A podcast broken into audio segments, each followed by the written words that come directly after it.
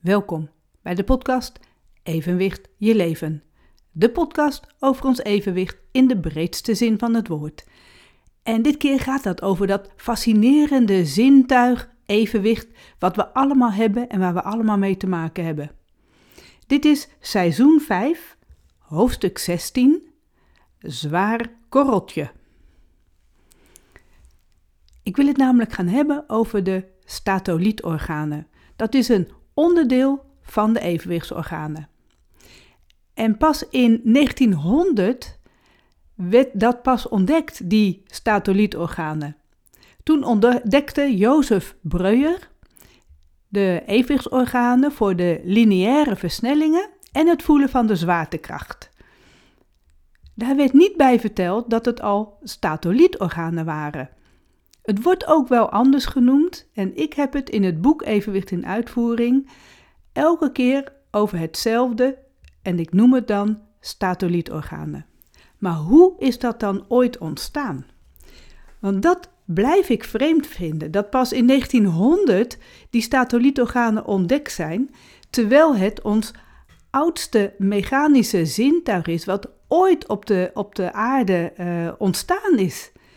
Ik blijf dat vreemd vinden dat het zo laat pas ontdekt is. Nou, hoe zat dat dan? We hebben op aarde te maken met de zwaartekracht. En nu wil ik je gaan vertellen over die evolutie van die statolietorganen.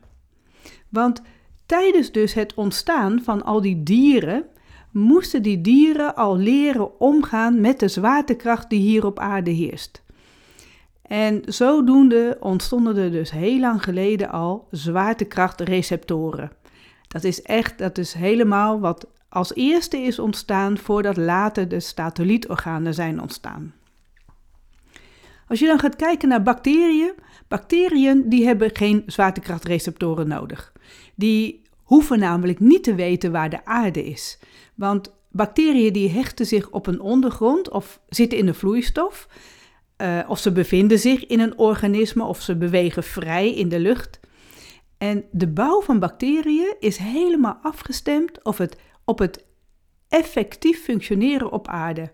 Ze kunnen dus optimaal omgaan met de zwaartekracht en de luchtdruk, met of zonder zuurstof, met de vochtigheid, de zuurgraad en de temperatuur van de omgeving. Maar daarna zijn eencelligen ontstaan. Eencelligen met een celkern, die hebben wel te maken met de zwaartekracht. En dan dient er een balans te zijn tussen de grootte, de bouw, de vorm en de inhoud van die eencelligen. En zonder zwaartekracht zouden er namelijk reuze grote eencelligen zijn ontstaan. Dus die zwaartekracht heeft ook een beetje een beperkende factor. Dus ja, hoe gingen ze daar dan mee om? Nou, die allereerste organismen die ontwikkelden een, een mechanische prikkel, een primitief zintuig voor tast. En dit evolueerde naar de heavy body strategie. En een heavy body, dat is een zwaar korreltje. Dat is ook, deze aflevering heb ik genoemd, zwaar korreltje. Dat is dus eigenlijk een heavy body. En het is niet bekend waar dat korreltje uit, uit bestond. Het doel ervan was wel dat het organisme zich kon oriënteren ten opzichte van de aarde. Van waar is de aarde? Zonder dat er nog alle andere zintuigen waren. En zo waren er verschillende soorten heavy bodies en die bevonden zich dan op één plek of op verschillende plekken in dat organisme. Dan hebben we het al over meercellige. En dit waren dus de eerste zwaartekrachtreceptoren. En bij die meercellige zette de ontwikkeling van die zwaartekrachtreceptoren die zette zich voort. Vooral dus de meercellige die zich gingen bewegen, die gingen kruipen. En ze gingen gebruik maken van verschillende mechanische prikkels en zo ontstonden er onder andere gespecialiseerde zwaartekrachtreceptoren. En dat worden dan eigenlijk al wel statolieten genoemd. En zo ontstonden er daarna nog meer zintuigen. De ontwikkeling van de zintuigen is namelijk afhankelijk van de omgeving waarin het dier leeft. Daardoor zijn niet alle zintuigen in alle dieren volledig ontwikkeld. Want je hebt het niet overal in elke omgeving alles nodig. Maar alle mechanische prikkels, die zijn wel effectief in bijna alle levensvormen. En dan is dus het evenwicht een mechanische prikkel. En naast het evenwichtszintuig gaat het dan ook om uh, andere tastzintuigen. Uh, de huid- en skeletspieren, uh, het voelen van de temperatuur en pijn en jeuk. En de gespecialiseerde organen hiervoor, die ontstonden dus al heel vroeg in de evolutie. Nou ja, waaronder natuurlijk dan die, wat ik net noemde, de zwaartekrachtreceptoren. Die waren dus, die heavy bodies waren dus het, de eerste mechanische zintuigen die ooit zijn ontstaan. Helemaal aan het begin van de evolutie, toen er nog niet eens onderscheid was tussen ongewerveld en gewelvelde dieren, dat was er allemaal nog niet. Maar daarin is het al ontstaan. Hoe kan het dat wij nu pas een beetje gaan begrijpen hoe ons evenwicht werkt en ook hoe belangrijk die statolithorganen zijn? En ik noem het ook altijd dat wat ik het belangrijkste functie vind van het evenwicht, dat is die perceptie.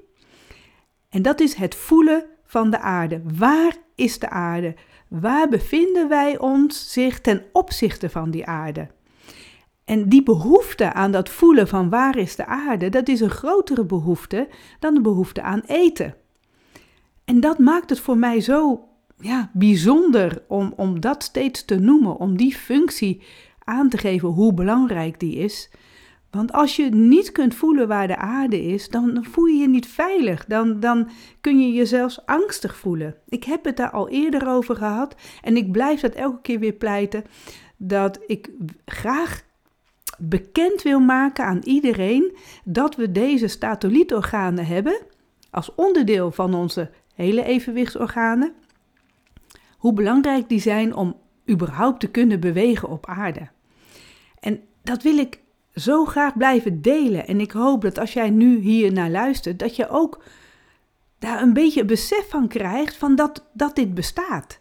Dat naast de halfcirkelvormige kanalen in de evenwichtsorganen, dat daar statolietorganen zitten, die niets anders doen dan, dan registreren waar is de aarde. Dat heeft dus te maken met de zwaartekracht. Onder invloed van de zwaartekracht kunnen ze dat registreren. En ook het voelen van bewegen. Dat je voelt dat je zelf bewogen wordt of juist niet bewogen wordt.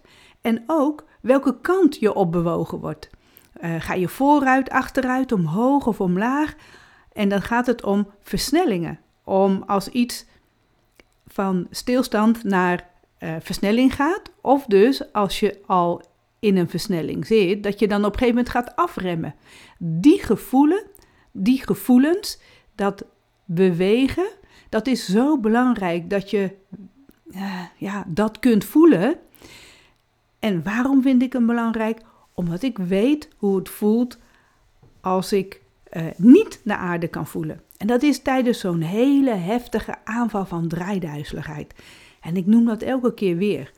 Als ik zo'n heftige aanval heb van draaiduizeligheid, dan voel ik niet meer, dan weet ja, ik weet wel waar de aarde is, maar ik voel voel niet meer waar is die aarde.